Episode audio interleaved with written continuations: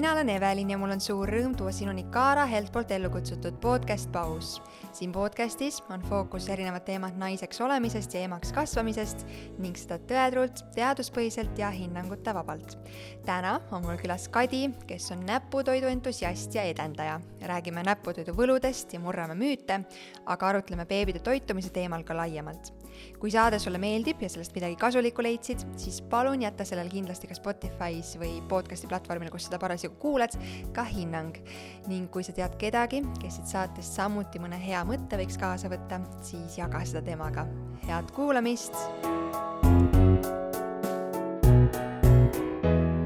tšau, Kadi! tere! me räägime täna näputoidust. ja see vist on, mul on tunne, et see on teema, kus, või üldse beebide toitumine on teema mm, -hmm. kus lähevad arvamused, eelistused hästi mm -hmm. nagu lahku mm -hmm. ja on näputoidu puhul neid, kes väga pelgavad just äh, potentsiaalsete ohtude pärast mm -hmm.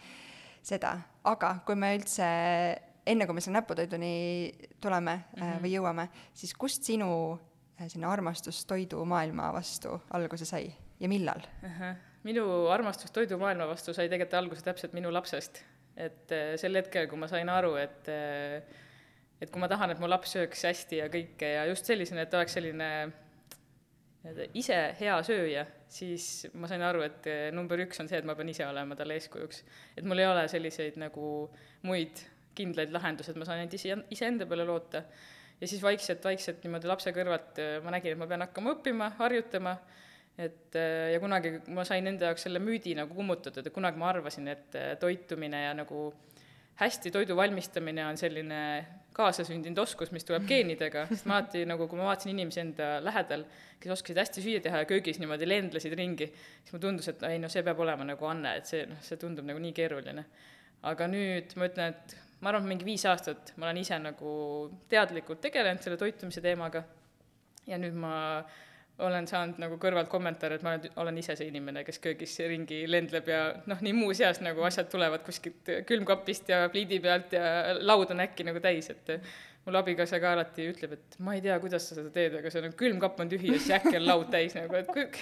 et temal nagu, tema vaatab kappi, et kapp on tühi, aga mina võtan kapist lihtsalt mingid asjad ja äkki on nagu jumalast äge söök laua peal, et et see on jah lastega tulnud tegelikult, et kuigi ma enne ei olnud nagu kehv söögivalmistaja, siis lap-, lapsega nagu tuli see eriti. Aga kui palju need harjumused võib-olla muutusid? Mm, -hmm. ja olite te varem mingi take away armastajad ja sellist võib-olla mitte maailma kõige täisväärtuslikumat toitu? ei, ei olnud, selles mõttes ei olnud, aga võib-olla lihtsalt see, et ma hakkasin rohkem näiteks köögivilju sööma, et ma sain aru, et kui ma lapsele hakkasin kõiki neid brokoleid ja asju keetma, siis ma sain aru, et aa, okei okay,, et ma ise tegelikult väga ei söögi neid. Või nagu,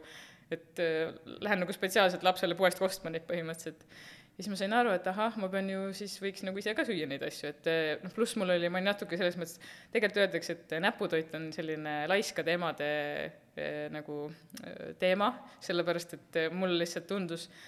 juba enne lapse sündi täiesti vastuvõetamatu see mõte, et ma pean mitut toitu valmistama mm., et võib-olla sellepärast, et kuna ma ei olnud veel siis väga hea söögitegija ka, siis mulle tundus, et mis mõttes ma teen õhtusöögi, siis ma pean nagu kaks toitu tegema, et see tundus mulle nagu väga keeruline ja näputoiduga on selles mõttes jube hea, et sa saad nagu juba sellest hetkest, kui laps on põhimõtteliselt kuuekuune, kui sa alustad näputoiduga, sa saad vaikselt nagu harjutada seda, et okei okay,, täna ma teen võtan brokoli, et teen lapsele brokolit, keedan, aga samas kasutan ise seda keedetud brokolit, näiteks teen omale mingi vokiroa või või teen ahju köögivilju ja siis ise teen endale kõrvale mingi liha veel, on ju, et selles mõttes sa saad nagu hästi väiksest peale, saad nagu ühildada seda toit, toiduteemat et äh, sealt nagu tuli mul see kindlasti köögiviljade teema. ja noh, üleüldse, et äh, kuna mida suuremaks laps sai, seda rohkem on neid olukordi, kus ma tundsin, et äh, näiteks kui me läksime parki või et noh, et mida siis kaasa võtta, on ju, et siis noh, ikkagi peaks tervislikku snäkid võtma, et ma ei taha ju krõpsu ja mingeid niisuguseid asju ja siis pidi ise ka sööma ja tegelikult mida rohkem sa ise sealt kõrvalt neid asju sööd, siis sa saad aru, et oo, päris mõnus on tegelikult, kui mm. sa tarbid nagu tervislikku toitu. ja pluss noh, ja siis, kui veel kui laps oli natuke veel suurem, siis ma sain aru, et äh, okei okay,, et nüüd ta on nagu muutunud selliseks valivaks söömaks, sööjaks. ja noh, nüüd ma pean eriti veel jälgima, mida ma ise söön, sellepärast et ma pean mm. olema talle kogu aeg nagu, ma noh, lapsed õpivad tegelikult ju matkides ja nad, nendel on silmad ja kõrvad kuklas, reaalselt. et ta kuuleb teisest toast ka, kui ma lähen kü-, noh, nüüd ma enam seda ei tee, sest ma tean, ma jään kohe vahele, aga vanasti ma mäletan, mul on kindel kord, kui ma läksin kööki, ta oli oma toas nurga taga, emme, kas ma kuulen šokolaadipaberikrõbinat või et sa ei saa isegi nagu salaja süüa, et selles see on mõttes nagu koer, kes jookseb teisest toast kohale, kui Jah. külmkapi uks avatakse. ja mida vanemaks laps saab, seda rohkem sa saad aru, kuidas kuidas, kui õõnes see tegelikult on, kui sa oma lapsele räägid, et kuidas ta peab köögivilju sööma ja kuidas ta peab kõik, mida ta ei tohi süüa, ja siis ise lähed pärast kuskile ma ei tea, nurga taha ja siis sööd mingit jama endale sisse, et et noh, mida vanemaks laps saab, seda õõnsamaks mul endal sees tundus, et see läheb, kui ma ise talle räägin ühte juttu ja siis ise teen midagi muud, et ja noh, ikkagi kõik äh, toitumisterapeudid, lastega tegelevad spetsialistid üle maailma ütlevad, et number üks eeskuju ikkagi on äh, lapsevanem ja ja see vundament, mis lapsel tekib nagu elutervest toitumisest, tekib ikkagi kodus. et äh, seda ei saa mitte kuidagi muud moodi, teistmoodi lahendada. et kui sa tahad, et su lapseks saaks hea sööja, siis sa pead ise lihtsalt olema sada protsenti, sada kümme protsenti tegelikult. aga noh, see, selles mõttes on see lahe, et äh, alguses see tundub raske, et mis mõttes ma ei tohi šokolaadi süüa, mis mõttes ma ei tohi krõpsu süüa aga mida rohkem sa seda teed, seda loomulikumaks see muutub, et äh, ma arvan, et kolm aastat tagasi oli minu jaoks see palju nagu suurem väljakutse, kui see täna on. Et täna ma juba ise nagu tunnen, et ma ei tahagi enam neid ebatervislikke asju nii palju. ja vahest harva küll, et selles mõttes see ei ole nagu välistatud. Ja me lapsega koos ka sööme komme ja see ei ole nagu selline teema, aga aga jah, et äh, see lihtsalt muutub aina loomulikuks, nagu iga harjumusega, et äh, selles suhtes jah. Mul meenus sellega üks äh, hea nali, mida ma paar päeva tagasi nägin kuskil sotsiaalmeedias, et vanemad on oma lapsele algusest peale, kui nad on enda jaoks meelepärast kommi söönud, öelnud, et see on koeratoit ja neil on vist laps äkki viiene või kuuene ja siiamaani noh, laps teab, et ta selle paki järgi ei lähe, sest see on justkui koeratoit. aga et siis vanemad käivad tasakesi sealt peotäite kaupa võtmas. no see läheb võib-olla sinna kapsaaeda, et ma ei tea, kas ma ise nagu ei pea kõige paremaks lastele niisugust eh, häma ajamist, et eh, et eh, jah, need niisugused hädavaled on niisugused, need, nendega peab ettevaatlik mm. olema, sest mida vanemaks lapsed saavad, seda nutikamaks nad muutuvad, need on ikka väga kavalad, et mul väiksem laps on viiekuune, aga suurem on juba kuueaastane. Ja see kuueaastane on ikka väga kaval juba, et ta nagu nii heas kui halvas mõttes, et sa ei saa talle niisugust häma väga ajada, sest ta saab väga hästi aru, kui sa ajad talle jama. Mm. et seda ei tasu harjutada juba varakult, sest mida vanemaks ta saab, siis on keeruline sellest lahti saada, et jah, või no on mingid niisugused valed, mida ma tihti näen, mida vanemad teevad, et et äh, lähme ruttu ära, et muidu tädi ei anna meile kommi või lähme tee-, noh, ühesõnaga niisugused hädavaled, mida lastele tehakse, mis minu arust on nagu valed, et äh, üldse ma võib-olla nüüd äh, lapsevanemana näen seda kuidagi teistmoodi, aga selline äh, toiduga justkui äraostmine või maiustega äraostmine, et äh, ole nüüd siin ilusti tublisti, siis sa saad selle kommi või selle Jaa. jäätise, et äh, see tundub mulle võib-olla see, see on na- nagu tundunud hästi normaalne, äh, aga nüüd, kui ma ise olen lapsevanem, siis ma saan aru, et ei, aga see ei ole õige Jaa. et miks ma premeerin toiduga mm. Mhm. ei, ma olen näinud mänguväljakutel küll neid lapsevanemaid, kes ütlevad, kui mul on autos kommi, lähme nüüd. ja siis laps on kanna pealt, pöörab ringi ja on nõus ära tulema, et see on nagu jah, see on niisugune keeruline teema, jah. kuule, aga miks näputoit? miks näputoit või mm? -hmm. Oi, alati, kuigi mul sellest rääkima hakkas, ma ütlen, et ma võiks päevi sellest rääkida, aga no kui ma natuke lähen ajas tagasi, et miks mina oma lapsega näputoitu hakkasin kunagi tegema, see oli sellepärast, et äh, ma nägin äh, oma äh, sugulase lapse pealt, keda ma käisin hoidmas enne seda, kui ma ise emaks sain. ta oli vist natuke alla aastane ja ma läksin ta, teda hoidma ja tema ema karjus mul ukse pealt, et kuule, ma pean nüüd minema, et äh, seal külmkapis on need äh, makaronid hakklihaga, et anna talle siis süüa. siis mul oli error, oot, oot, oot, oota, kuhu sa jooksed, mis mõttes, ta on nii väike, ma pean talle ju püreesid andma, et kuidas see võimalik, makaronid hakkliha, mismoodi, ma pean nüüd peenestama? ja siis ta mingi ei, ei, pane lihtsalt kauss talle ette ja pane ta laua äärde las ta sööb. siis mul oli mingi okei okay,, no selge. nii, me istusime koos laua äärde, tema oli teisel pool lauda, mina võtsin omale sama portsu ja oli lihtsalt, ma arvan, et mingi viisteist minutit oli vaikus, sest ta lihtsalt sõi nagu ma ei tea, kui vana ta oli, ma arvan, et kümnekuune, üheteistkuune, midagi niisugust. ta võttis selle ka ta taldriku ette, ta lihtsalt järjest sõi niimoodi ja siis ma olin nagu šokis, ma lihtsalt vaatasin, et kuidas see võimalik on, nii väike laps ja lihtsalt üksi sööb omaette täiesti nagu, ma olin šokis sõna otseses mõttes ja siis ma mõtlesin, et ei, kui ma kunagi peaksin lapse saama, siis mina hakkan oma lapsega samamoodi tegema, et see on nagu nii lahe lihtsalt. ja, ja siis äh, tol hetkel, see oli juba üle kuue aasta tagasi, seitse aastat tagasi, siis see oli selline teema, mis oli natuke selline mm, rebel, hipi, ema natuke crazy, ma ei tea, mis hulluks peast läinud, on ju. et siis Eestis ei olnud isegi mingeid äh, infoallikaid, oli mingisugune üks raamat, mis oli eesti keelde tõlgitud välismaalt, ja siis oli mu sugulane, kelle käest ma siis küsisin, ühesõnaga, ja siis ma olin sellest nii vaimustunud, mul oli see raamat juba enne läbi loetud, kui ma üldse oma lapsega sinnamaani jõudsin ja ma arvan, et see oli üks, üks nendest lubadustest, mida ma tegin enne lapse saamist, et, et nii peab minema ja see läks. Ja ma ei tea, kas see oli sellest, et ma ise olin nii endas kindel, et see on kõige ägedam asi, või sellest, et lihtsalt mu laps oligi selline, aga meie see näputöö teekond läks äh, nagu nii sujuvalt, et see oli ainult nagu puhas rõõm, et ei olnud mingit tagasilööke, ta lihtsalt vaimustus sellest isesöömist ja nii edasi ma sain sellest nii positiivse nagu kogemuse, et äh, siis ma tundsingi, et issand, et ma peaks nagu seda infot teistele jagama, ja siis ma saingi aru, et, et ma pean sellest rääkima nagu laiemalt, aga jah, näputoidu, kui öelda, et mis see näputoit nüüd ise niimoodi äge on, see noh, number üks, seal on tegelikult hästi palju põhjuseid. et number üks, kui last, lapse vaatevinklist võtta, siis see on sellepärast, et see on tema arengule lihtsalt nagu ülimalt positiivne, et nii selles mõttes, kuidas tema peenmotoorika areneb, tema käed, tema koord-, koordinatsioon, tema see, kuidas ta viib, peab käsi viima suhu endale,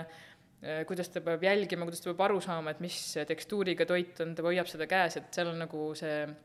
see pool, siis lisaks on veel sellel see, et eh, sellest veel Eestis väga palju ei räägita, on olemas niisugune asi nagu müofunks-, funktsionaalne teraapia Eestis on see veel hästi lapsekingades, aga see puudutab siis seda teemat, kuidas laste suu äh, areneb, ehk laste keelelihased, äh, see, kuidas ta oma keelt suus liigutab, kuidas, kuidas ta kõne sellest omakorda areneb, et tegelikult tänapäeval on äh, aina rohkem lapsi, kes on, kelle kõne ei arenegi just sellepärast, et nad on saanud hästi pikalt neid siidiseid püreesid, see tähendab seda, et ei ole pidanud oma keele ja suulihastega tööd tegema ja aga selleks, et, et sa saaksid rääkida, selleks on vaja hääl, hääl, häälida, häälikuid. ja häälikute hääldamiseks on vaja keelelihaste tööd. ja, ja sellepärast ongi väga paljud väiksed lapsed, kes on kahe-kolmeaastased ja kes veel ühtegi sõna ei ütle, käivad logopeedide juures keeleharjutusi tegemas. aga see on siis näputoidus üks plusspool, millega saab siis seda nagu natuke vältida et kui laps peab ise tükke sööma, siis tema suu ja keele ja kõik need näolihased arenevad palju paremini. Ja tegelikult ei on ka nagu noh, tegelikult ei ole ka vastunäidustatud, et alla üheaastane laps võiks ise süüa ja, ja tükilist toitu süüa, et tegelikult see on meie mm, tänapäeva selline moodne mugavus, see püreede söömine, et vanasti lihtsalt oli niimoodi, et kui lapsele hakati lisatoitu andma, siis äh, võib-olla heal juhul paar nädalat äh, keegi seda toitu püreestas, siis hakati juba kahvliga tampima ja kellelgi polnud aega seal istuda üheaastase lapsega ja oodata, millal ta suu lahti teeb, et äh, siis käisid asjad kiiresti. aga tänapäeval, kuna kõike saab poest, et meie see toidutööstus on nii arenenud, siis kõike saab poest osta ja see on nii mugav ja samas ka tegelikult, kuna see on nii laialt levinud, siis ta ei ole ka niivõrd kallis, et see on tegelikult nii-öelda kättesaadav juba noh, enamikele peredele, need püreede ostmine poest, siis sellepärast on see ühest küljest muutunud nagu mugavuseks ja siis aina pikemalt ja pikemalt antakse lastele neid püreesid ja see on lihtsalt ühest küljest ei saa nagu pahaks panna, sest see ongi ju tore ja mõnus ja saab oma elu lihtsustada, aga siis see ongi see koht, et sa pead nagu ära tabama selle õige hetke, kus sa oled oma mugavustsoonis ja lihtsalt sellepärast annad lapsele neid püreesid, et et näputoidu puhul laps siis nagu ise juhib seda protsessi ja ise siis õpib täpselt nii sööma omas tempos ja paneb ise omas tempos omale toitu suhu ja, ja pikas perspektiivis ta tegelikult õpib ka oma, kuidas ma ütlen siis, oma isusid paremini kontrollima, et kui sa lusikaga toidad last, siis, siis tihtipeale ikkagi vanem otsustab, et ei, nüüd on aeg järgmine amps võtta, ära vahi ringi, võta nüüd see järgmine amps. Ja ja meelitatakse ja anitatakse lapsi sellega, et ta kiiremini selle ampsu võtaks, et selles suhtes lapsed on, tahavad oma last, vanematele meeldida ja kõik lapsed ei ole sellised põikpäised, kes pea ära lükkavad, et nad lihtsalt võtavadki selle ampsu ja ja, ja võib juhtuda ka see, et laps ei õpi siis omaenda nagu sellist mm, täiskohutunnet reguleerima, et ta sööbki lihtsalt üle ennast nii-öelda. ja kui seda väga pikalt teha, siis ta saab aina vanemaks ja ta ei saagi aru, millal ta kõht on täis ja ja millal ta võiks lõpetada ja noh, ühesõnaga, et see, kõik see eneseregulatsioon on nagu näputoidu puhul hästi oluline nagu aspekt, et laps õpib ise oma keha jälgima, aru saama, mis on liiga palju, mis on liiga vähe, milline tükk on liiga suur, milline tükk on liiga väike ja nii edasi, et et seal on hästi palju aspekte, pluss, mis minu jaoks oli üks suurimaid argumente, oli see, et üks asi, mis tundus jälle mulle vastuvõetamatu emana, oli see, et mina pean istuma ja ootama, kuni see laps teeb selle suu lahti, kuni ta on nõus järgmise ampsu võtma, ma mingeid lennukeid tegema, ma ei tea, ja ma ei olnud nõus talle mingeid multikaid panema ja kõik need asjad kokku, siis ma sain aru, et okei okay,, et kui ta ju sööb ise, siis ma saan ise samal ajal süüa. ja minu arust see oli nagu nii äge, see on üks asi, mida ma kuulen väga paljudelt peredelt, et kui sa istud laua ääres, su laps on, ma ei tea, kaheksakuune või kümnekuune ja sa ise sööd samal ajal, et see on nagu see on kuidagi nii südantsoojendav tunne, et sa nagu oled nagu perena laua ääres, et ei ole mingi beebil kuidagi eraldi mingi söögiaeg või ta on kuidagi rohkem sinuga nagu ühes või perega ühes, et sa tunned nagu sellist ühtsustunnet nagu rohkem. et äh, muidu on tihtipeale, kui püreedega toidetakse, siis juhtub see, et kas tahetakse kiiresti enne oma söögikorda ära anda see toit või pärast oma söögikorda, et see tekitab nagu sellist stressi pluss teisest küljest, mis me panime tähele, oli see, et kui meie laps sõi ise, siis see oli nagu natuke meelelahutuse eest ka, et ta võis seal mingil hetkel tund aega seal toolis istuda ja seda toitu seal uudistada ja et see on nagu niisugune söömine ja meelelahutus korraga, et ta ju õpib, et ma ei pea talle mingit tegevust otsima, ma ei tea, mingit näpuvärve või mingeid muid, ma ei tea, mis imeasju. et siis ta nagu tegeles oma toiduga ja samal ajal tegelikult ju areneb ka, et ja kuigi alguses tundub see tihtipeale vanematel on selline hästi suur väljakutse, et noh, see, kuidas ma ütlen, sellest hetkest, kui ta ei oska veel midagi, kuni selle hetkeni, et ta päriselt sööb, see tundub nagu hästi pikk teekond. aga samas, kui lapsele anda nagu võimalus iga päev harjutada, juba tegelikult kuuekuuselt alates, siis ta õpib tegelikult päris kiiresti, et see, see tuleb üllatuslikult kiiresti. see algul tundub, et issand, ta määrib selle toidu ainult laiali et me tegelikult oma silmaga ei märka, kuidas tema käed tegelikult muutuvad iga päevaga aina osavamaks, aga lihtsalt see silmale tundub, sest me tahame kõike hästi kiiresti, nagu ikka meie tänapäeva maailmas, kõike mm -hmm. tahaks kohe mm, -hmm. ma olen otsustanud, mul on vaja, et see laps sööks ja siis see tundub nagu, et issand jumal, millal ta ükskord hakkab sööma, et see tundub nagu hallo kosmos, et ei, ma pean ikka teda söötma ka natuke. et muidugi tehakse ju, noh, me oleme sinuga arutanud, et tehakse ju, kombineeritakse ka, et ei ole mhm. ainult näputoit või ainult püree et on väga palju neid peresid, kes teevad alguses püreesid ja siis lähevad nagu sujuvalt näputoidule, aga noh, mina oma lapsega isiklikult tegin ainult näputoitu, et mulle see püree värk üldse ei sobinud.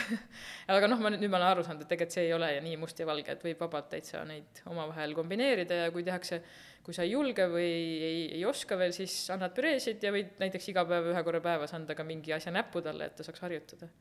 sa ütlesid, et see on äh, lapse jaoks ka natukene selline meelelahutus mm, -hmm. vahepeal tead, see on vanemate jaoks ka meelelahutus sest äh, äh, mu kümnekuune, kes on äh, samuti usin näputoituja, kellega me küll üks hetk äh,, ma proovisin talle ka püreesid pakkuda, aga ta väga järjekindlalt surus oma suu mm -hmm ristipõiki kinni ja ütles, et tema, ta ei öelnud, aga seda suud ta lahti ei teinud ja lusikat suhu ei lasknud, ehk siis mm -hmm. ähm, püreedega me väga kaugele ei jõudnud mm. -hmm. aga see on meelelahutus küll jah, sest ma mäletan, et mul äh, neid pilte on ka ikka päris palju, kus lapsel on peas spagetid ja mannavahtu määrist omale pähe ja siis ma, siis ma mäletan, et ma olin enne seda veel lugenud sealt targast raamatust, et naerda ei tohi, et äh, ei tohi segada last, kui ta sööb aga mingitel hetkedel see oli ikka väga keeruline, sa pead reaalselt pea ära pöörama, sest see on päris humoorikas mingitel mhm. hetkedel, et ta nagu, ja ta ise on selle juures veel nii rõõmus, et ta nagu noh, mõni, kuigi peab ütlema, et on lapsi erinevaid, et on mõned lapsed, kes, kellest võtavad selle väga kiiresti omaks, kõik selle plätserdamise, suhu panemise, ise mäk-, mäkerdamise, aga on väga palju lapsi, kes tegelikult pelgavad alguses, et äh, siis vanemad võtavad seda kui märki, et et ta vist ei taha või ta, talle ei sobi see, aga lihtsalt äh, mõned lapsed on sellised ettevaatlikumad, mis iganes põhjustel, aga mõned lapsed on sellised, kellel läheb näiteks aega nädalaid, et ta julgeks üldse mingi toidutüki kätte võtta. Ja siis ta alles hakkab seda võib-olla suhu viima omale, et selles suhtes lapsed on väga erinevad, et äh, ei tasu sellest heituda, kui, kui see alguses esimestel nädalatel näiteks tundub, et ta ei, ei taha või ei julge või et et see lihtsalt mõnel lapsel võtab rohkem aega, et äh, ma sellepärast ütlengi alati, et et seal on nagu selle ise sööma õppimisel on niisugused äh, erinevad etapid, et äh, see, et üldse katsuda, see on ka tegelikult väga suur väljakutse, sest lapse jaoks on see kõik täiesti uus, sest kujutage ette, olukorda, kus ta on kogu aeg olnud niimoodi emme süles või põrandal ja siis äkki pannakse ta laua äärde, topitakse mingisse tooli, siis ema-isa võib-olla on veel telefoniga seal samal ajal pildistada, film, filmimas ka ja siis, siis sul on nagu selline pressure peal, et oh, issand, nad kõik vaatavad mind millegipärast ja siis ma pean nüüd midagi tegema ja tema tegelikult alguses ei seosta seda isegi toiduga. meie oma peas täiskasvanud teame, et ahah, ma panin talle brokoli, seda peab sööma. aga laps, kui ta alguses seal toolis on, siis ta vaatab, et oota, mis, mis värk nüüd on, et tavaliselt teda ju keelatakse igasuguste asjade suhu panemisel, küll ta topib ju raamatuid ja mida iganes tahab närida, siis vanemad jooksevad kuskilt teisest toast, ära näri seda, ära näri seda, ära topi suhu seda. ja siis äkki on kõik, kõik vaatavad suu ammuli ootavad, et sa selle asja nüüd suhu paneksid endale, seda närima hakkaksid ja neelama hakkaksid. et alguses ei saa tegelikult arugi, et see tegelikult toit on, et see, see teadmine või see taipamine, et et see on hoopis toit ja see täidab mu kõhtu, see tuleb alles ikka nädalaid, võib-olla isegi kuid hiljem, kui ta alustab, et et esialgu ta lihtsalt liigutab selle toitu seal suus ja, ja siis ükskord, kui ta hakkab alla neelama, siis ta saab aru, et oo, oota, see on mingi värk, mida peab alla neelama. et äh, see on jälle niisugune arenguprotsess, mis sinna viib. aga millal äh, sa tõid välja siit selle, et, et see näputööde protsess võib alguses olla mm -hmm küllaltki pikk yeah.. Äh, kui me räägime äh, lisatoidu, ma ei tea, mis iganes juhendi me võtame mm, -hmm. olgu see WHO oma või mm -hmm. Eesti, ma ei tea, Perearstide mm -hmm. Liidu poolt äh, loodud juhend, siis et lisatoiduga alustas neljandal kuni kuuendal elukuul mm. -hmm. ma tean, et kuulajatel ilmselt, kes ei ole võib-olla nii kursis teemaga, kes on kohe, et ei, aga näputoiduga saab alustada siis, kui hambaid on suus ja nii edasi yeah,, mida sa saad kohe kummutada yeah, neid müüte, aga kui me räägime sellest alustamisprotsessist, siis mm -hmm. millal päriselt on õige hetk mm -hmm. või mille järgi hinnates, et on õige hetk mm -hmm. näputöödega alustada? no vanuseselt öeldakse tegelikult kuuekuused, tegelikult vist isegi juba WHO ütleb juba isegi üldse lisatoidu kohta, et kuuekuuselt, ka püreed, et tegelikult tänapäeval ka püreede andmine enne kuuendat kuud on tavaliselt, peaks olema tervislikel põhjustel, et kui selleks on näiteks madal kaaluiive või või lihtsalt laps on kuidagi, on näha, et on vaja nagu arengulises mõttes rohkem toitu või kaloreid, siis hakatakse varem pihta, aga tegelikult ametlikult peaks alustama igasuguse lisatoiduga kuuekuuselt. noh, kui just ei, ei ole mingeid muid eripärasid, aga jah, aga noh, märgid on kindlasti, üks märk on see, et laps hakkab mingi hetk, tavaliselt nad hakkavadki viie-kuuekuuselt hakkavad niimoodi, kui sa, sinu suud jälgima, näiteks kui sina sööd, Nad hakkavad niimoodi suuga, teevad suud lahti, hakkavad ka nagu mäluma, et ma oma, mul on väiksem praegu täpselt viiekuune ja ma näen, ta tegelikult juba jälgib, et kui ma vahest hoian teda süles, kui ma söön, siis tal läheb niimoodi suu lahti, vajub niimoodi ja siis ta vaatab mind, jälgib ja siis ta jälgib silmadega, kuidas ma seda asja suhu viin, on ju, üks asi on talle huvitav see muidugi, aga teisest ta hakkabki nagu suu automaatselt käima niimoodi. ja siis kindlasti üks nagu märk on ka see, et laps hakkab nagu, tema keha nagu hoiak hakkab rohkem muutuma selliseks, et ta suudab ennast istukil hoida, et ta küll ei pea see on jälle üks müüt, et laps ei pea tegelikult ise suutma päriselt istuda, et see, mõned lapsed alles õpivad päriselt iseseisvalt istuma alles kaheksa-üheksa-kuuselt, võib-olla vast isegi hiljem. et tegelikult ta, füsioterapeudid, laste füsioterapeudid ütlevad niimoodi, et kui laps on võimeline söögitoolis istuma nagu toestatult, kas siis mingi rullitud rätik selja taha või mingi pehmendus, et niisugune äh, kümme-viisteist minutit ühe korra päevas on tegelikult okei okay et kui ta seal nagu täiesti ära ei vaju, et tema keha on ikkagi nõrk, siis ei ole võib-olla sobiv aeg või peaks minema siis füsioterapeudi juurde ja to-, kuidagi aitama last selles. ja kindlasti on ka see, et üks asi, mida lapsed beebina, noh, alla kuuekuused teevad, on see, et nad lükkavad näiteks oma keelt niimoodi suust välja, kui sa midagi talle suhu paned. ja see refleks hakkab siis nagu kuuekuuselt hakkab ära kaduma, et kui sa midagi talle suhu paned, siis ta ei lükka enam niimoodi nii palju seda suust ära et äh, tavaliselt jah, siis kuuekuused nad on nad nagu rohkem valmis, et äh, seda asja siis, seda toitu, mida nad suhu panevad, ka suus liigutama, et see ei, kuku automaatselt nagu välja. et äh, jah, ega neid märke tegelikult rohkem väga palju polegi, et selles suhtes enamik lapsi ongi kuuekuused juba valmis vähemalt mingil määral proovima, et on lapsi, keda pannakse söögitooli istuma, on lapsi, keda hoitakse süles, kui nad katsetavad, et selles suhtes väga vahet ei ole mis äh, minul hästi palju segadust tekitas või mingil määral ka sellist äh, ahastust ja hirmu, et, äh, et me ei saagi mitte kunagi selle näputoiduga või üldse lisatoiduga ei jõuagi kuhugi, ongi seesama, et see info on erinev mm, -hmm. millal alustada ja mul, mu laps ei olnud ei olnud veel kuuekuune, see oli äkki nädal oli selleni veel, ma käisin perearsti visiidil mm -hmm. ja ta küsis, et mis ta süüa saab ja ma ütlesin, et rinnapiima mm, -hmm. mis ta ikka saab, sest mina olin võtnud mm, -hmm. ma, ma olin teadnud ja võtnud eesmärgiks, et kuuendast elukuust ma alustan lisatoiduga mm. -hmm. ja siis arst ütles, ei, ta ju peab mm -hmm. lisatoitu ka saama mm. -hmm. ja kui sa vaatad neid äh, juhendeid, siis on kirjas, et laps äh, kuuekuuselt peab saama mhm. äh, üks detsiliiter ühe toidukorraga, umbes nagu see kogus mm -hmm. ja vist ongi kuuekuuselt üks mm -hmm. toidukord ja siis yeah. kaheksakuuselt lisandub mm -hmm. teine toidukord juurde. -hmm. umbes nii, jah mm. -hmm. et äh, ja siis ma vaatan neid kogusid ja mõtlen, et aga kui ma talle annan need brokkoliõisikud või aurutatud porgandid või mhm. mis tahes muu asja ette, siis no üks detsiliiter see on päris palju. seda on väga palju yeah aga see on, üks detsiliiter ongi see arvestatud niimoodi, et laps on põhimõtteliselt neljakuuselt alustab püridega harjutamist, on ju. ja see tekitaski minus nii palju segadust. Õnneks olid sina aga seda infot ja selles mõttes see no vot, siin on selles mõttes keeruline olukord, et ega me olemegi nagu raskes seisus, sellepärast et eh, enamik perearste ikkagi soovitabki juba nelja-viiekuuselt hakata seda lisatoitu andma ja tegelikult see näputoidu teema ei ole Eesti perearstide hulgas veel väga nagu selline, mitte soositud, aga lihtsalt see teadlikkus on nagu madal. et ma arvan, et kuna teadlikkust ei ole, siis sellest ka ei räägita. Ja siis ongi see standardlahendus on nii-öelda soovitada noh, püreesid. Ja siis keegi nagu ei küsigi su käest, et kas sa annad näputoitu või noh, ühesõnaga see näputoidu teema, see on nagu enamike arust selline aastasele läheneva lapse nagu ampluaa nii-öelda et äh, selles mõttes on jah keeruline, et äh, ega praegu ongi olukord selline, et enamik perearste soovitabki varakult ja siis, kui sa tahad näputoitu anda, siis sa teed seda nagu nii-öelda omal vastutusel. Undercover kuskil. ja, ja et kui sa julged kellelegi kuskil perearsti juures öelda, et ma oma kuuekuusele annan näputoitu ainult, siis ma arvan, et sa saad päris korralikult silmapööritused sealt, ma selles suhtes ma võin lohutuseks öelda, et see on äh, see on meil praegu nii Eestis, me arvame, et me ei ole lihtsalt sinna jõudnud, et tegelikult näiteks kui tuua kas või võrdluseks Soome, siis seal on hoopis mingi muu seis juba, seal juba noh, ma ei saa öelda, et sada protsenti, aga ikkagi väga paljudes perearstikeskustes, tervisekeskustes juba jagatakse brošüüre, kus on näputoidu info ja nii edasi, et see, see on lihtsalt, meie Eestis ei ole teadlikkus veel nii kõrge. Pluss ma tegelikult, ma olen mõnel koolitusel osalenud, kus on äh, Eesti sellised nii-öelda tipplastearstid on koolitanud ja tegelikult ma näen, et seal kõrgemal nii-öelda on see teadlikkus juba olemas, lihtsalt äh, kõik see näputoidu teema ja see kasulikkus ja et seda võib varakult teha, lihtsalt see ei ole jõudnud nagu võib-olla noh, nii-öelda all, allharudeni veel. ja mi-, ma olen mõelnud selle peale, et miks see nii on,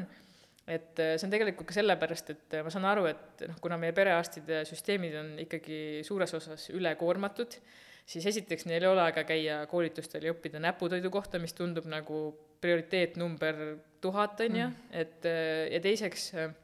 näputoit ikkagi eeldab natuke rohkem teadlikkust ja eeltööd kui püreede pakkumine, sest püreed on ühiskonnas juba lihtsalt standard, kõik teavad, mis on vaja teha, osta lusikas, osta purk või tee ise ja hakka, aga suhu toppima. et selles suhtes see on nagu lihtne, straightforward, seal ei ole midagi vaja arutada, perearst saab sulle ukse pealt ka seda hõigata, et hakka nüüd lisatoitu andma, on ju. aga kui sa mõtled näputoidu peale, siis see eeldab natukene rohkem äh, nagu siis ema teadlikkuse tõstmist, sest seal on mõned nüansid, kuigi ta ei ole tegelikult mitte midagi keerulist, aga lihtsalt juba kas või need väiksed asjad, et et kui sa sööd, siis ta peab alati olema söögitoolis, mitte selles Babyburni bouncer'is, on ju, et ta ei tohi olla taha kaldus, siis et kuidas seda toitu täpselt lõigata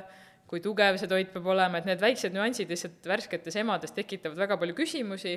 Ja kui sa peaksid selle väikse visiidi jooksul, kus sa perearsti juures oled viisteist minutit, kõiki neid küsimusi hakkama küsima, siis noh, sorry, aga sellel perearstil lihtsalt ei ole aega. ja see on puht nagu ajalisest pingest ongi nagu tulenevalt, et lihtsalt ei ole aega, et sellel perearstil on, on lihtsam öelda, et hakka püreesid andma ja that's it. Et äh, ma ei taha üldse selles mõttes pahaks pannagi, et see ongi, sellepärast ma teengi seda, mida ma teen, et et perearstid ei peaks seda tööd tegema, et et muidugi ma tean, et näiteks ilmselt Soomes ja sellistes äh, riikides, kus näputoit on juba väga levinud, on ka eraldi sellised nagu beebide ja laste toitumisspetsialistid, et siis perearst siis suunab nagu nii-öelda teise spetsialisti juurde, kes siis omakorda siis õpetab neid asju, et perearst ise lihtsalt ei jõua. et sellepärast ma arvan, et on nagu väga yeah. palju seda teemat. mitte ainult ei saanud me suure kaarega pööritavaid silmi perearstilt mm -hmm. toona kuuekuuse või kuue kuu visiidil ähm,, vaid ka pika loengu, miks see ikkagi mm -hmm. ei ole hea mõte mm. -hmm. aga ähm, vastukaaluks siis äh, üheksanda äh, kuu kontrollis, kui äh, arst küsis taas kord mm -hmm. oma, et mida te sööte, mida laps sööb, siis ja vastuseks, et äh, näputoitu ja kõike äh,, siis ta ütles, ah nii lausa no nii, ja selline nagu siiras üllatus ja see ongi nii ta silmis, et äh, see oli nagu tore. ja, ja tegelikult ongi see, et äh, noh, perearstid on hästi erinevad ka tegelikult, ma ei taha üldse öelda, et kõik on selle vastu või või kõik, tegelikult on aina rohkem neid perearste, ma kuulen nagu emadelt tagasisidet, et aina rohkem on neid perearste, kes tegelikult elavad sellele väga kaasa ja väga soovitavad, et äh, selles suhtes ei saa üldse öelda, et seis nagu lootusetu oleks, et pigem lihtsalt see võtab aega, et iga, nagu iga muutusega, vaat, et see lihtsalt võtab aega, iga asi, mis on natuke alguses selline erandlik, see, selle tõestuseks või et see toimib, see noh, peabki olema piisav kriitiline mass saavutatud, et neid emasid oleks piisavalt, kes on proovinud ja et see kuidagi see hirm maha võtta, sest selle näputoiduga seostubki väga palju hirme, et arvatakse, et kui sa seda ikkagi teed, siis see laps tõmbabki endale kindlasti selle kurku ja siis ta lämbub ära ja ja ta ei saa oma toitained kätte ja kõik need asjad, et ega noh, ma saan ka aru, et nende perearstide nagu selles mõttes hirm ja nende kohustus on ju need lapsed terved hoida ja elus hoida, et et selles suhtes ongi ju ohutum ja kindlam on öelda, et söö seda püreed ja siis on kõik nagu hästi. et aga noh, natuke ma näen ka võib-olla seda, et äh, perearstid mingil hetkel lihtsalt tahavad selle linnukese kirja saada, et see laps sööb, väga hea, äh, saab oma mingid ained kätte, väga hea, et kuni sinnamaani, et ma olen kuulnud emadelt tagasisidet, et et kui laps näiteks ei söö püreesid kuuekuuselt ja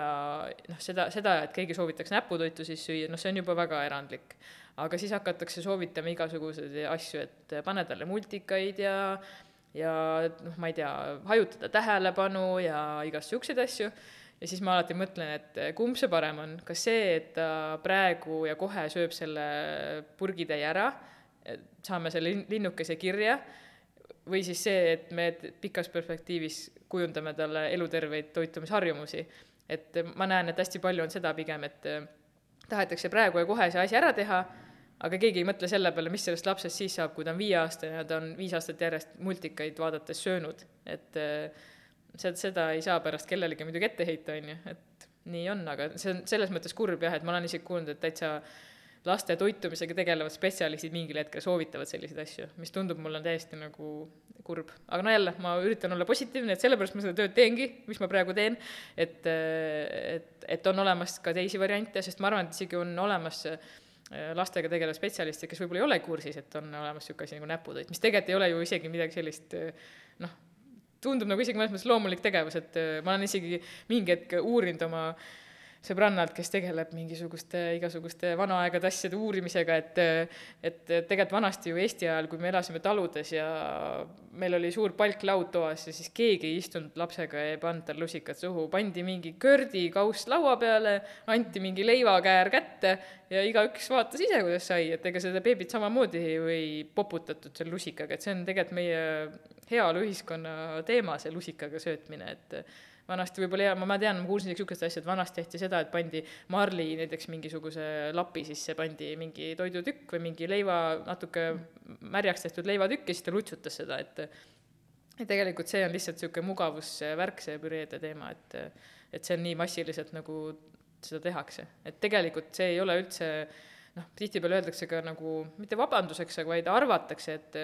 et beebi ei oskagi tükke süüa, et ta peabki sööma neid hästi siidiseid püreesid, enne kui ta aru saab, et ta peab äh,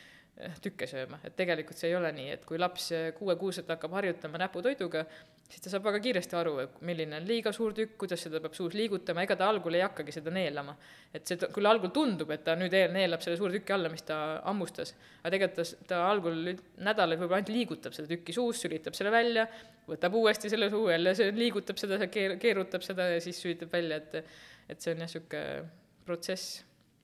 räägime nendest äh, müütidest mm -hmm. natukene, see mm, -hmm. siit põgusalt käis läbi mm -hmm. see, et lapsel ei pea olema hambaid mm. -hmm. hambaid ei pea olema jah, sest äh, ma alati to-, tuuakse see näide, et et pane oma lapsele näpp suhu ja lase tal hammustada seitsmekuusel, see on ikka päris valus, eriti kui sa rinnaga veel toidad last, siis sa saad aru kui kõvasti ta võib vajutada. et selles suhtes jaa, et kui tegelikult vaata, kui sa mõtled niimoodi, et kui sa võtad näiteks bataadi, bataadi siis aurutad või keedad ära niimoodi poolpehmeks, mitte päris äh, selliseks äh, püreeks, aga pehmeks. ja kui sa seda näpuga, nimeta sõrmega ja pöidlaga oma näpu vahel surud, siis ta põhimõtteliselt ongi püree. ta on lihtsalt niisugune natuke tihkem püree, aga ta põhimõtteliselt on püree. et kui laps selle nüüd omale suhu paneb ja igemega seda nagu vajutab, siis see lähebki ju täiesti lödiks, et äh, seal noh, esialgu ei peagi tal neid kõvasid tükke andma, et ma olen alati öelnud, et emadele, kes ikka väga pabistavad, et alustage nendest asjadest, mis tõesti on pehmed, et ostad talle näiteks mingi küpse avokaado või, või võtaks seesama bataadi, mis tegelikult läheb hästi nagu pehmeks, et, et need on niisugused nagu safe imad, et no või tõesti, ma annad banaani näiteks, mis ei ole küll ideaalne esimene toit, aga aga kas või siis harjutamiseks, on ju, et et tegelikult ei pea ju kohe alustama mingist äh, brokolist või lillkapsast, mis võib olla al-, alguses natuke võib-olla liiga tekstuurne, aga samas jah, variante on selles mõttes, et ei pea olema hambaid, et igemetega saab täiesti edukalt purustada, nagu mitte nagu purustada, vaid lömastada toitu. et see ongi oluline, et lömastada seda toitu, et äh, meie jah, närime täiskasvanud nagu hammastega oma toidu puruks, sest meil on toit lihtsalt palju kõvem, mida me sööme. see suur hirm, et laps tõmbab toidu kurku mm. -hmm no seal on see jälle see teadlikkuse tõstmise koht, et äh, mis vahe on äh, läkastamisel ja mis vahe on kurku tõmbamisel. tihtipeale aetakse need asjad segamini, et arvast-, arvatakse, et kui laps äh, või beebi läkastab, siis ta juba lämbub. aga tegelikult see põhi siis asi, mida peab meeles pidama, on see, et mida väiksem on laps, seda, kui me hakkame keele otsast minema, ja läheme kurgu poole, siis äh, väike beebi hakkab läkastama siis, kui tal toit on juba siis keele keskosas või seal kurgu ja keele keskosa vahel, ehk siis ja see, mis vahe on siis täiskasvanuga, on see, et täiskasvanu hakkab läkastama ehk siis nii-öelda lämbuma siis, kui tal tükk on juba kurgus. et meie hakkame köhima siis, kui meil on reaalselt juba nagu tükk jõudnud hingamisteedesse, hakkab nagu blokeerima. aga väike beebi hakkab, hakkab köhima, nendel on hästi tugev, mida väiksem, no ütleme, kui me toome võrdluseks kuuekuune laps versus aastane laps, siis kuuekuune laps hakkab köhima juba siis, kui tal on, mõtlengi, et see toit on tal juba seal keele keskel. ta ju noh, see on lihtsalt nagu hästi tugev looduse poolt antud refleks, et, et ei oleks ohtu, et see tal kurku satuks, siis ta hakkabki, põhimõtteliselt kohe hakkab köhima. et see köhim-, köhimine siis viskab seda toidutükki sealt tagantpoolt ettepoole, et ta saaks siis seda edasi mäluda või siis välja sülitada, kui see on liiga suur ja mida vanemaks laps saab, seda rohkem liigub see nii-öelda see läkastuspunkt tema keele siis keskosast nagu rohkem sinna kurgu poole. et mõnes mõttes isegi eh, on isegi see lugu, et kui see laps on harjunud näiteks püreesid sööma kuuendast kuust kuni kaheteistkümnenda kuuni, ja ta on harjunud hästi selliste, selliste siidiste püreedega, siis ta ei saa ka aru, mis tähendab see, kui su toit satub nagu valesse kohta ja kui sa hakkad talle näiteks aastaselt andma alles esimest korda mingeid tükke või mingisuguseid tekstuurseid asju, siis ta võib olla palju rohkem hädas kui see kuuekuunine, sest tema see läkastusrefleks on juba läinud äh, tahapoole ja tal on palju ohtlikum mõnes mõttes isegi see, kui see kuuekuusel. et kuuekuusel lihtsalt looduse poolt antud refleks on nii tugev, et see kaitseb teda selle eest, et ta ei lämbuks mm. -hmm. ja noh, ja siis tulebki eristada veel seda, et kui on läkastamine, siis laps teeb häält, ehk siis ta köhib, ta äh, teeb mingeid niisuguseid häälitsusi ja lämbumine on reaalselt see, kui laps on vait, täiesti vaikus on, et ta võib-olla mingi nagu niimoodi võib-olla nagu teeb häält, on ju, ja hakkab vaikselt siis näost nagu kaameks minema või värvi muutma, et see on lämbumine. ja tegelikult ongi selle näputoidus nii-öelda, nii-öelda siis kuldreegel on see, et kui laps läkastab, siis sekkuda ei tohi, et enamasti laps ikkagi saab sellega alati hakkama, kuigi vanemale võivad need viis, kümme, viisteist sekundit tunduda nagu terve igavik siis eh, noh, sajal korral, üheksakümmend üheksa, üheksakümmend korral ta ikkagi ise saab sellega hakkama, et eh, kuigi see vanemale tundub mingil hetkel, et issand ei, nüüd ma, nüüd ma päriselt pean sekkuma, sest nüüd on nagu jama, siis enamikel juhtudel sa oot-, kui sa ootad veel viis sekundit, siis see tuleb sealt välja, see tükk. et lapsed tegelikult saavad enamasti imehästi sellega hakkama, et ja, ja mis on veel halb, on see, et kui sa hakkad ise nagu abistama last, kui sa, kui sa, kui sulle tundub, et ta nagu lämbub, võib olla see, et kui sa sekkud, siis üks asi on see, et ta ehmatab ja tõmbab sellepärast omale kurku, päriselt kurku see tüki, või siis, kui sa seda hakkad sealt koukima suust, siis sa hoopis lükkad tal selle sa ise sinna tahapoole, et alati on parem pigem mitte sekkuda. et siis on suurem tõenäosus, et see laps on ohutus kohas, kui see, et sa hakkad segama, et et jah, et lämbumine reaalselt on ikkagi see, et kui laps on nagu täitsa vait. Ja seda juhtub no prakt-, noh, seda juhtub ikka üli, üli, üliharva. et muidugi ma tean, kõik vanemad mõtlevad kohe, et aga raudselt minu lapsega juhtub, mina, minu laps on see, kellega see üli-üliharva juhtub, et aga samas ma olen kuul-, kuulnud nii palju lugusid nii äh, kiirabitöötajatelt kui vanematelt kui äh, kõikidelt teistelt, kes lap-, väikeste lastega kokku puutuvad, et need väiksed beebid, isegi kui nad ei söö näputoitu, kui nad söövad püreesid või rinnapiima, nad suudavad isegi seda endale niimoodi kurku tõmmata, et nad põhimõtteliselt lämbuvad. et selles suhtes äh, sa ei saa välistada neid, neid ohuhetki niikuinii lapse jaoks, et äh, ja varem või hiljem ta tegelikult peab hakkama aru saama, kuidas see tükkide söömine käib, et selles suhtes äh, ma näen, et seda tihtipeale lükatakse edasi, et laps ei ole veel valmis ja mis iganes, aga mina näen, et enamikel kordadel mitte laps ei ole valmis, vaid lapsevanem ei ole valmis. ja, ja siis ongi see, et ja, ja siis, ja siis aetakse natuke seda, tekib selline olukord, kus antakse lapsele püreesi näiteks kuni, ma ei tea, aastani, ja siis saadakse aru, et oo oh, oh, ei no tegelikult nüüd me peame ikka hakkama talle seda noh, tüki, tükilist toitu andma, enam ei ole kuskile lükata, sest noh, aeg on juba sealmaal, et tuleb hakata päriselt toitu sööma ja siis, ja siis tegelikult tuleb vanemal see enesekindlus, sest ta saab aru, et okei okay,, enam ei ole kuskile minna. ja siis see laps hakkabki sööma ja siis tundubki, et ahah, nüüd ta oli valmis, aga tegelikult ema oli valmis. et selles suhtes äh, jah, et äh, tihtilugu peab ema tegelema oma hirmudega, mitte laps ei ole see, kes hakkama ei saa, et äh, mul on, äh, ma ei tea, kas ma natuke südameasjaks võtnud, aga mul on tunne, et äh, ma pean siinkohal äh, seda mainima, minu meelest võiks, mitte võiks, vaid peaks iga lapsevanem äh, juba tegelikult enne lapse sündi käia esmaabikoolitusel mm. -hmm. jaa, seda niikuinii ja ma olen ka seda öelnud, et isegi kui sa mm, ükskõik, kas sa valid näputoidu või mitte. kui sa näputoitu ei tee, pluss teine asi on see, et mul on siin üks naljakas lugu rääkida oma lapsest, kuidas äh, ma siis ootasin seda maagilist hetke, kui ta saab kuuekuuseks, ma lugesin juba päevi, kuidas ma saan lõpuks talle anda selle toidutüki kätte ja siis me käisime ühe sõbra lapse sünnipäeval ühes mängutoas, ma arvan, et ta oli mingi viiekuune, päterdas juba ringi oli seal kuskil patjade vahel ja äkki keegi ütleb, et kuule, tal on midagi suus. nii, ja siis ta oli leidnud äh, patjade vahelt kuskil mängutoa nurgast kuivanud viineritüki, mis oli seal olnud ilmselt kuid. ja siis ta nätsutas seda kuivanud viineritükki oma suus. kuigi isegi, kui ma oleks otsustanud, et ma talle kunagi näputoitu ei anna, siis see oli potentsiaalselt ohtlik olukord. et kui ma nagu ei oleks äh, iseennast ette valmistanud kas või selle esmaabiga teemal,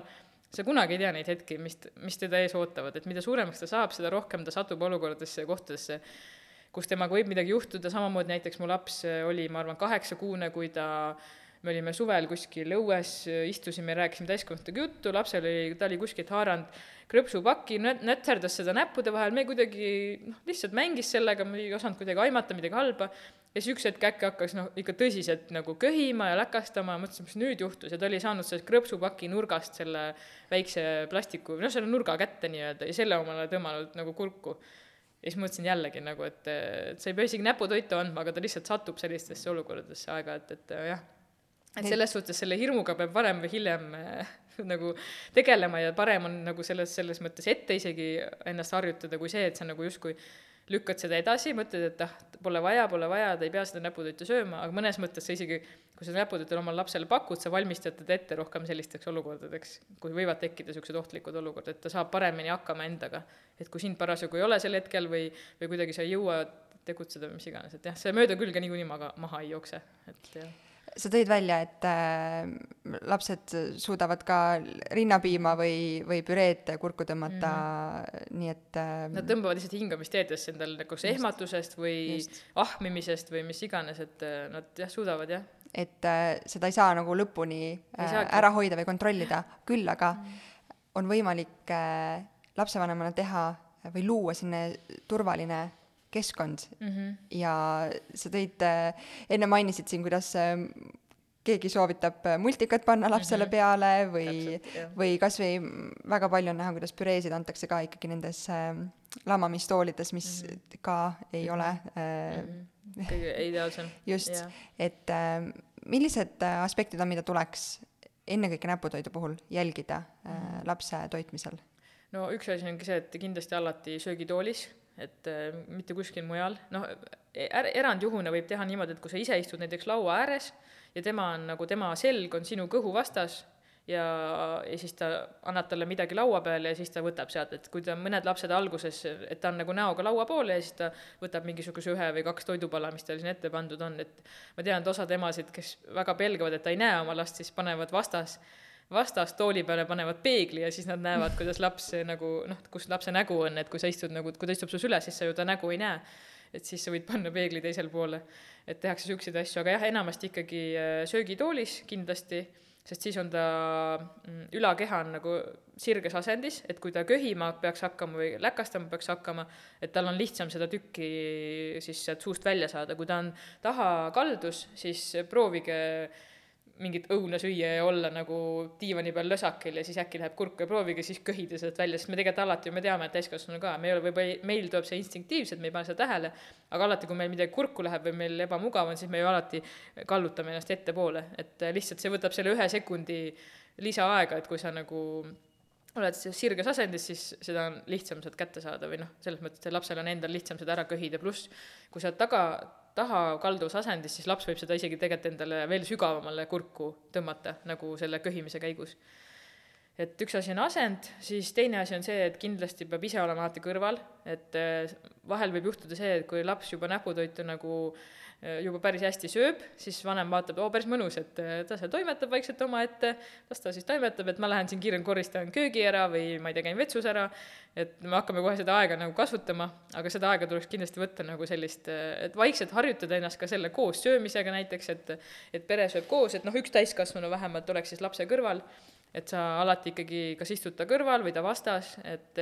ja kuni siis nii kaua, kuni ta ikkagi lõpetab, et mitte ei lähe siis toimetama kuskil mujal, sest see on sellepärast, et kui laps päriselt lämbub, siis see on vaikne. see on sama nagu uppumise kohta on müüt, et arvatakse filmidest, me arvame, et kui la-, inimene uppuma hakkab, et siis ta vehib kätega ja karjub appi, aga reaalsus on see, et inimene uppuma hakkab või kui ta lämbuma hakkab, siis ta on täiesti vait, sest ta ei saa mitte midagi öelda, ühtegi piuksu sealt ei tule.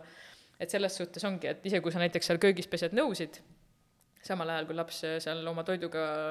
mässerdab, siis sa ilmselt ei kuule, et see veesulin või mis iganes võib selle ära summutada. ja jah, see väga palju nagu rohkem reegleid tegelikult ei olegi. ikkagi need... multikaid mängima ja, ei multik, pane ja, ja et selles suhtes küll see on hea tähelepanek, et kõik need niisugused segavad faktorid võiks eemaldada koera ei saa päris luku taha panna, aga kui mõni koer tead, ma panen, ausalt ma panen. mõni koer on väga häiriv, siis võib panna teiste mhm. tuppa sellepärast, et muidu ta istub seal söögitooli kõrval ja, ja ootab, kuni midagi kukub. ja siis mu lapsel on ju ka sinna kaval, et ja, ja ma kukutan talle meelega sest see põnev ju. ja, ja ei, selles mõttes küll jah, et telekad ja asjad võiks kinni panna selleks ajaks, kui laps sööb sest äh, tihtipeale on see ju vaata, me ise ka ju vaata, kui me samal ajal sööme ja telekat vaatame, siis see toit äkki ühtäkki on kadunud kandiku või sealt taldriku pealt ja me ei saa ka aru, et oota, mis asja, kuidas meil toit nii otsa sai. et äh, see ka lapse puhul samamoodi kehtib, et äh, ta lihtsalt siis, üks asi on see, et ta võib ohtlik olla talle, kui need multikad ja asjad käivad ja teine asi on see, et ta ei õpi tegelikult oma nagu jällegi, see on niisugune väike asi, aga pikas perspektiivis võib olla hea, et ta siis, kui ta ei vaata multikaid, siis ta õpib oma keha rohkem jälgima, et ta lihtsalt siis vaatab, et ta paneb paremini tähele näiteks, kui ta kõht on täis, et ta ei söö ennast näiteks üle. et või kui ta siis ta närib võib-olla rohkem oma toitu, kui ta ja vaatab seal samal ajal midagi multikat, siis ta võib-olla keskendumine kaob ja siis ta võib-olla hakkab suuremaid tükke noh, alla neelama, sest ta lihtsalt ei pane tähele, et ta ei närinud piisavalt mm. -hmm. et jah, ühesõnaga igasugused segavad faktorid tuleb siis eemaldada, et noh, vaikselt väike mingi muusika või sihuke asi võib ikka mängida kuskil, aga just see, et mis nagu visuaalselt tema pilku võib haarata, et need võiks nagu äh, siis jah, ära olla. mul on tunne, et tihti läheb kuidagi kaotsi endal ka, kui on kiire ja tahaks ruttu kõhu täis süüa, süüa, siis see, et toit on midagi muud kui lihtsalt see kütus yeah., mida me endale sisse paneme, läheb yeah. nagu meelest ära ja mhm. laste puhul, noh, sa tõid välja selle peenmotoorika arengu mm -hmm. äh, müofunktsionaalse müofunktsionaalse teraapia väga huvitav yeah. keerukas sõna mm, -hmm. aga äh, see, et toit on see värv, see lõhn, mhm. see tekstuur mm, -hmm. et see ei ole lihtsalt see maitse mm -hmm. täiskasvanutena ka meie jaoks mm, -hmm. miks, miks mulle meeldib äh, näputoit oma olemuselt see, et äh, täiskasvanutena, kui me vaatame kõige populaarsemaid toite, mis kõige mhm. seltskondades kõige suuremat elamust pakuvad mm, -hmm. burgerid, pitsad, krõpsud, mida, mida süüakse kätega mm. -hmm. et sest see on, see on nagu, see on mingi see on ka vist see, et kui inimene saab midagi ise katsuda, siis see tekitab temas turvatunde suurema. et äh, samamoodi ilmselt on ka lastega, et miks nad tihtipeale ikkagi nendest püreedest keelduvad mingi hetk, ongi see, et nad kuidagi tunnevad, et nendele nagu surutakse midagi peale, et me me tihti ka üks asi, mis käib nagu, mille, mida peab nagu selle näputöö teema puhul nagu oma teadvuses nagu äh, muutma, on see, et beebi on tark. et me tihtipeale arvame, et et beebi on niisugune väike inimene, kes veel ei tea, kuidas maailmas asjad käivad ja mina tean paremini, mis talle on hea ja mina otsustan, kuidas asjad on. noh, suures pildis me ikkagi otsustame, aga näputoiduga ongi see, et inglise keeles on ju tegelikult selle nimi baby led weaning, ehk siis kuna see on lisatoit, siis me nagu pikk, selle eesmärk on ju siis äh, laps võõrutada piimast mingiks hetkeks ja inglise keeles selles mõttes on ta nagu tabavam väljend, et me, see ongi lapse juhitud nagu tegevus, ehk siis me lähtume lapsest ja tema nagu sellistest äh, märkidest, mida ta meile annab, ja kui laps ikkagi annab märku, et ta tahab ise proovida, siis me peaksime seda äh, respekteerima. Ja tegelikult see ongi see, et me tihtipeale ei usu, et väike beebi on võimeline iseennast reguleerima, et ja mida ka tihtipeale tehakse, mida ma väga ei soovita, ma tean, et see on hästi raske. Tihtipeale emadel, on see, et kui näiteks laps sööb ja otsustab, et ta rohkem ei söö. Ja siis vanem arvab, et ta ikkagi võiks natuke veel süüa, sest mulle tundub, et ta sõi liiga vähe. Ja mulle tundub, et tal ei ole veel kõht täis ja ilmselt ta siis ikkagi nutab pärast öösel ja on, ärkab rohkem üles ja ma pean ikka natuke rohkem teda toitma. ja siis me surume talle veel mõned usikad püreesid näiteks peale, et tegelikult see on see koht, kus me peaksime ennast nagu tagasi tõmbama, et et lapsed tegelikult on täiesti okei okay,, kui beebi sööb ka niimoodi, et a la, et ta ühel söögikorral sööb hästi palju, teisel söögikorral põhimõtteliselt ei söö üldse, siis sööb jälle hästi palju, et tema nagu, ta võibki nii süüa ja see on väga okei okay et äh, see on, räägime antud juhul beebidest, et me ei, ei räägi siin viieaastastest, kes võib-olla mingitel muudel põhjustel ei söö. aga just beebidest, kes, äh, kes siis tegelikult oskavad väga hästi reguleerida, et äh, seda, selles, selles suhtes me peamegi usaldama, usaldama oma beebisid, mis tundub nagu mingis mõttes täiesti nagu raske ja keeruline. et me peame usaldama, et nad saavad ise aru, millal neil on kõht täis, millal neil on kõht tühi ja, ja üleüldse, et mis toitu nad sealt taldrik, taldriku pealt võtavad, mida me talle pakume, et meie ülesanne on lapsele serveerida toit, meie valime selle toidu, mida me talle serveerime, ehk siis me paneme talle sinna köögivilju, me paneme talle sinna mingit liha võib-olla, mingit äh, teravilja, ja, siis tema valib sellest toidust, mida ta täna, praegu sööb. sest kui me niimoodi mõtleme, siis meie ju ise ka oma söögilauda kogu aeg valime täna meil ei ole pastaisu, täna mul on äh, supiisu, aga laps ei saa valida seda, tema saab valida ainult seda, mida, mis tal on laua peal ja selle, selle hulgast ta siis valib, kas ta sööb täna kolm ampsu banaani ja viis ampsu liha või siis vastupidi, et tihtipeale me tahame nagu vanematena hästi palju reguleerida. ja see, tegelikult me peaksime seda juba väiksest peale harjutama, et me seda ei teeks et äh, mida suuremaks laps saab, seda eneseteadlikumaks ta saab ja seda raskem on meil tegelikult siis leppida sellega, et ta näiteks ise otsustab, et ta täna ei taha liha süüa ja kõik et me ei saa teda sundida ja mida vanemaks ta saab, seda vähem me saame seda teha, et äh, ja mitte enam ainult toiduteemadel. ja mitte ainult toiduteemadel, kõikidel teemadel jaa, et, et me tegelikult jah, me saame täitsa, see on, beebid tegelikult on võimelised täitsa iseennast reguleerima ja täitsa edukalt, et. Mulle teemapüstitusena meeldib ähm, üks äh, mõte, mis sa oled ka oma näputoidu e-kursuses välja toonud äh, Äh, ja mida mõni päev tagasi mu vanaema, kui, kes meil külas käis, äh, kui ta nägi, kuidas laps sööb, ma ei tea, mis ta sõi, vist mingit veise, veiseliha pihvi ja, ja äh, seda suvikõrvitsat. ja esimene asi, kui mu laps natukene patsutas selle toiduga sinna kandiku peale ja mu vanaema ütles,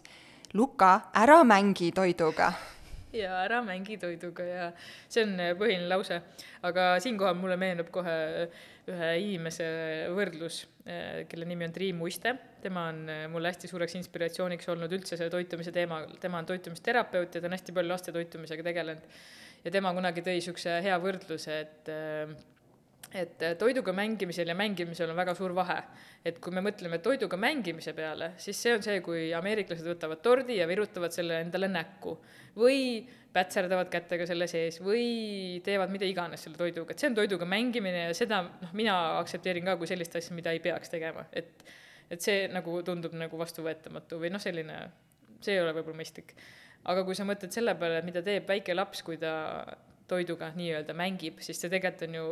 puhas areng, et ta nagu see on lihtsalt see, et ta õpib oma keha tundma, ta õpib ennast reguleerima, see on puhas peenmotooriga ja tema keha areng, et lihtsalt see on, kuna sellest ei ole nii palju räägitud, siis see, see, sellest ei olda teadlik lihtsalt, et et vanasti võib-olla jah,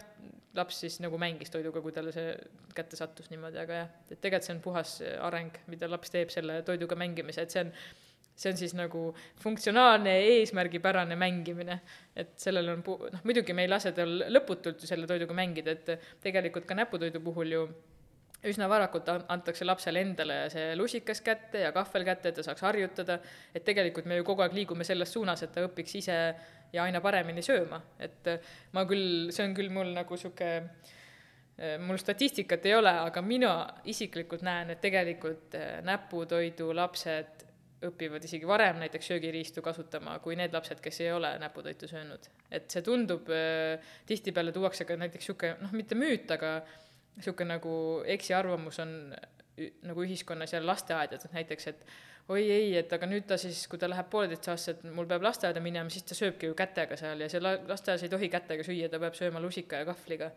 ja va-, tihtipeale ongi need vanema põlvkonna inimesed arvavad, et kui laps nüüd kätega sööb, siis ta jääbki kätega sööma, aga tegelikult see nii ei ole. ja tihti ma ütlengi, et ma, ma olen pigem näinud rohkem seda, et need lapsed õpivad äh, varem lusika ja kahvliga sööma kui need lapsed, kes ei ole harjutanud, sest see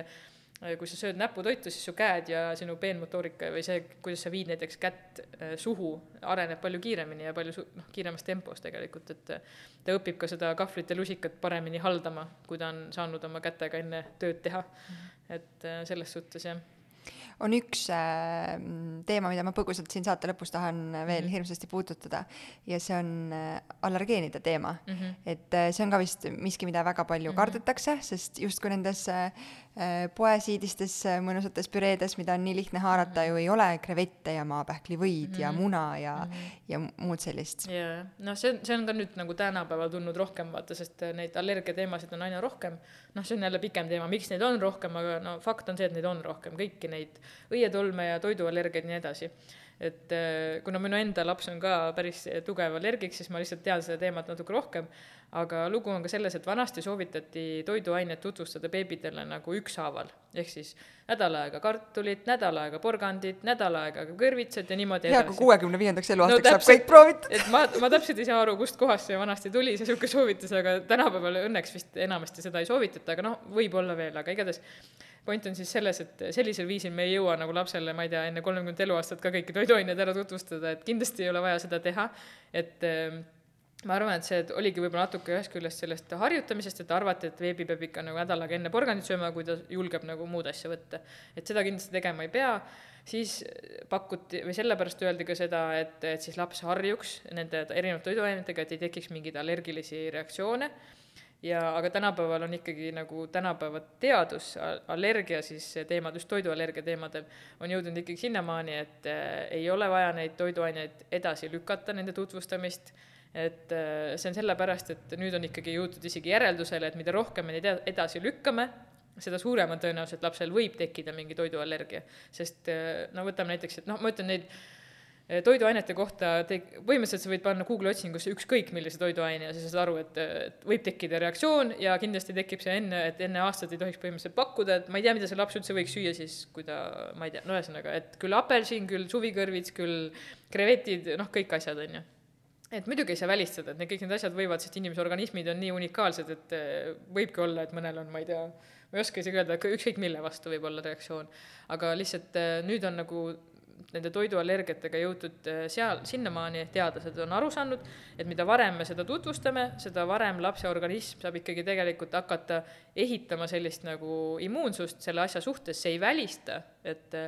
et see allergia võib tekkida, sest minu, minu lapsel näiteks konkreetselt on maapähkli äh, ja tomati ja porgandi, kuigi ma olen talle kuuekuuselt andnud,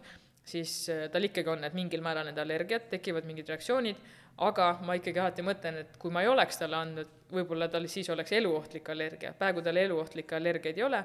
et toiduallergiate puhul tegelikult ongi peamine eesmärk on see, et vältida neid äh, olukordi, kus lapsel mingi toiduaine võib tekitada eluohtliku allergia. ehk siis see, kui tal vahest tuleb punane lööve või kui tal, kus suust sügeleb, see on nagu selline äh, okei okay olukord, sest see noh, seda saab ju vältida ja nii edasi, aga et peamine on see, et ei tekiks seda eluohtlikku ja eluohtlikud tihtipeale võivadki tekkida just siis, kui see laps on hästi pikalt, ei ole näiteks mingit, no ütleme, ma tean, et noh, seesama maapähkel on ju, et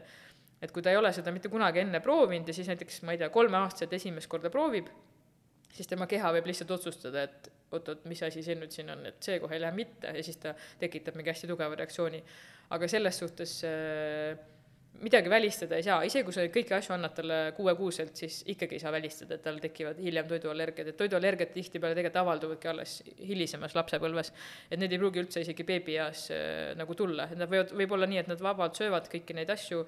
aastaselt ja siis äkki viieaastaselt tuleb välja, et on mingi reaktsioon. Ja võib ka juhtuda, et see läheb üle. et selles suhtes jaa, et kõiki neid asju tuleks äh, proovida aga ainuke asi, mida siis on soovituslik teha, on see, et mitte neid asju kõiki koos proovida. Ja näiteks need on siis umbes kümme on sellist peamist allergeeni, et te võite panna Google otsingusse mingi top ten uh, most common mingi allergens. Ja siis nendega on sealhulgas enamasti on nisujahu, äh, kala, mereannid, äh, soja ja mingid siuksed, mingid asjad veel.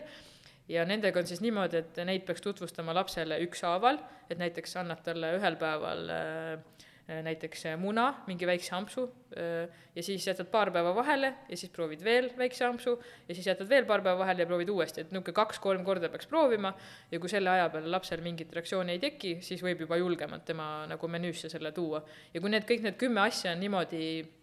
ära proovitud, siis äh, on nagu nii-öelda, oled teisel pool piiri või teisel pool joont, et siis võib juba rahulikult lapsele pakkuda, et ei pea papistama ja kõikide ülejäänud toiduainetega ei pea üldse muretsema. et see, et äh, apelsini ei tohi anda enne, kui laps saab kaheaastaseks ja munavalget ei tohi anda enne, kui ta on seitsmekuune ja kõik niisugused asjad, pigem unustage ära, et see tänapäeva teadus seda enam ei toeta, need on pigem sellised, need lihtsalt on jäänud nagu vanast ajast niimoodi siia ühiskonda ringlema, siis meie vanemad soovitavad meil niisuguseid asju ja vanavanemad ja kõik need asjad. ja tegelikult need on nii vastuolulised, et samamoodi isegi, me ei räägi isegi nagu tavainimestest, isegi kui sa lähed perearsti juurde või ükskõik millise toitumisspetsialisti või terapeudi juurde, isegi nende hulgas kõik need arvamused lähevad täiesti nagu lahku, aga jah, kui sa võtad nagu teaduslikud äh, allikad, siis ikkagi teadus soovitab, et äh, mida varem, seda parem. et äh, peab proovima neid asju tasapisi, et mõist-, reegel on see, et mõistlikkuse piires, et see ei tähenda seda, et me anname seitsmekuusele lapsele lusikaga maapähklivõid, on ju, vaid ikkagi see, et ta on lihtsalt lusika otsaga kuskil toidu sisse pandud, et vaikselt keha harjutada nende asjadega küll aga on vist üks asi, mis äh, enne aastat jah, mesi on üks asi, mida ei soovitata, jah, see on nagu, see on veel jäänud nagu, kui sa võtad erinevad allikad, siis see on nagu ainuke asi, mis on veel jäänud nagu sisse, et ei soovitata allaaastastel lastel, et seal on see mingi mürgistuse, metabolismi mingi oht, et et seal on jah, võib tekkida mingi, seal on, mees on mingid spetsiifilised ained sees, mis võivad tekitada sellise mürgise olukorra lapse kehas mm. -hmm. Ehm põgusalt, küll allergeenidega see kokku ei lähe, aga sool, suhkur mm, -hmm. muud lisaained. ja kõikide nende asjadega on see, et tegelikult äh, mida kauem me neid, äh, mida kauem ja mida vähem me neid talle ei paku või noh, et äh, mida kauem me saame edasi lükata nende pakkumist, seda parem aga see on ka jälle see, et kõik on nagu mõistlikkuse piires, et ma näen, et tihtipeale emad nagu lähevad hästi murelikuks ja paanikasse, et et ei tohi lapsele anda mitte ühtegi ampsu, ei peekonit, ei mitte midagi, et äh, selles suhtes, kui laps alustab näputoiduga või püreedega, mis iganes, muidugi me teeme talle kõik need toidud ilma soolata, ilma suhkruta äh, ja kõikide igasuguste niisuguste asjadeta, aga samas, mida vanemaks laps saab, seda tasapisi, no ütleme, kui laps näiteks on aastane juba, et siis võib täitsa julgelt juba noh, mitte talle nüüd soolast toitu pakkuda, aga kui see on natuke soola pandud, siis täiesti julgelt võib seda lapsele anda, et jällegi iga asjaga on see, et mõistliku, mõistlikkuse printsiipi tasub jälgida, et kui te lähete näiteks ehm, kaheksakuuse lapsega või kümnekuuse lapsega Itaaliasse reisile, siis ta võib seal seda pastat süüa, mida te kohvikust tellite, et see ei ole maailma lõpp. Et ei pea jooksma mööda mingeid imepoode ja otsima paaniliselt terve perega tülis olema, et saaks lapsele selle mitte maitsestatud porgandi kuskilt, et selles suhtes ma üldse julgustan nagu vanemaid kuidagi ehm, võtma seda asja kuidagi rahulikumalt, et äh,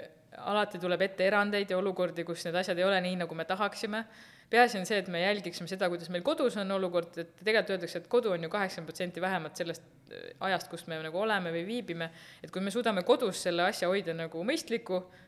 ka tuleb alati erandeid ette, aga mõistliku ja tasakaalustatud, tasakaalustatuna, siis on täiesti okei okay,, kui me näiteks kodust eemal olles sööme seda soola natuke rohkem või noh, okei okay,, suhkrut ärge sööge, suhkur lükake nii kaugele kui võimalik. et su-, suhkruga on ka niimoodi, et äh, nende maiustustega, et selles suhtes ma olen küll nagu resoluutsem, et äh, mida kauem te saate neid maiustusi lapsest eemal hoida, seda parem. et muidugi elu on näidanud, et kui sul on teine laps, siis seda varem nad hakkavad juba neid saama, aga et selles osas ma soovitan küll jah, et ärge maiustusi lastele andke, et banaan on ka päris äge magustoit päris pikalt et aga jah, aga ütleme nii, et see ei ole maailma lõpp, kui te selle kommi kuskilt, noh, ma tean, et on vana, vanavanemaid, kes juba aia peal, nii kui uksest sisse astud, juba komm näpus tulevad, oo, näe, ma tõin sulle kommi et ja seal on ka see mõistlikkuse printsiip kehtib, et kui ta sööb selle ühe kommi ära, jumal hoidku, elu ei, ei, ei saa otsa. et pigem on, ma olen näinud seda, et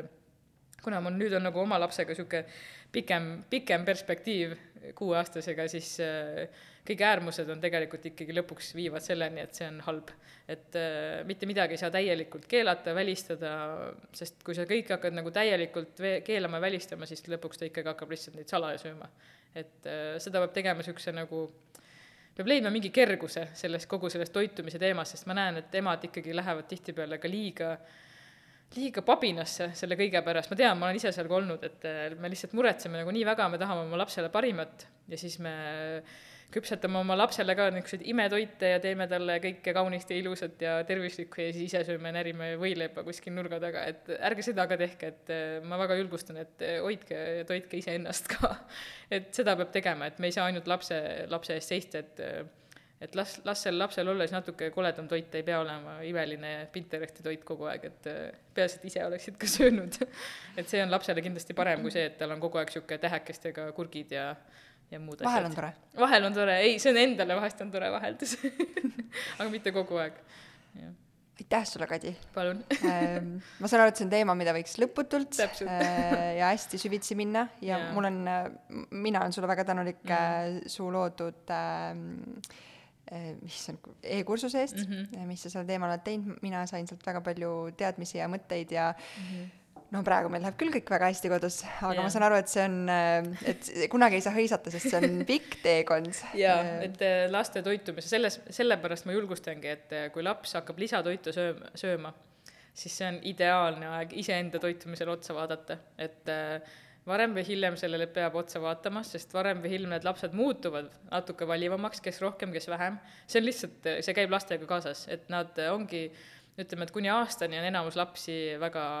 head toitujad, mitte, mitte kõik, on erandeid ka, aga, aga üldiselt nad on valmis kõike proovima, kõike maitsma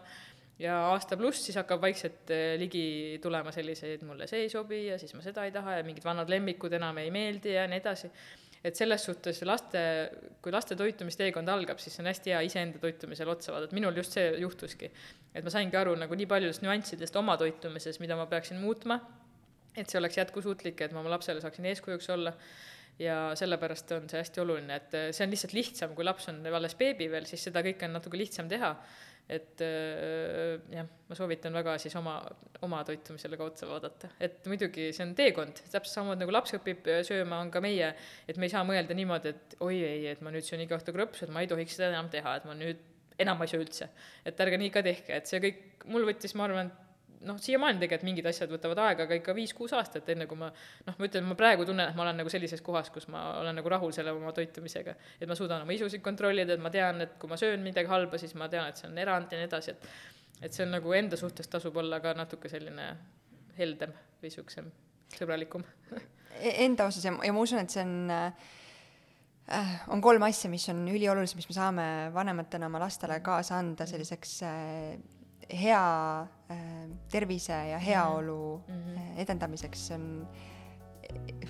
une äh, mm, -hmm. siis kuidas see on nagu väärtustamine yeah., äh, liikumine mm -hmm. ja toit. jah, jah, nii on jah. aitäh sulle. Äh, toituge hästi ise ja toitke oma lapsi ka hea toiduga just, aitäh. tšau. tšau.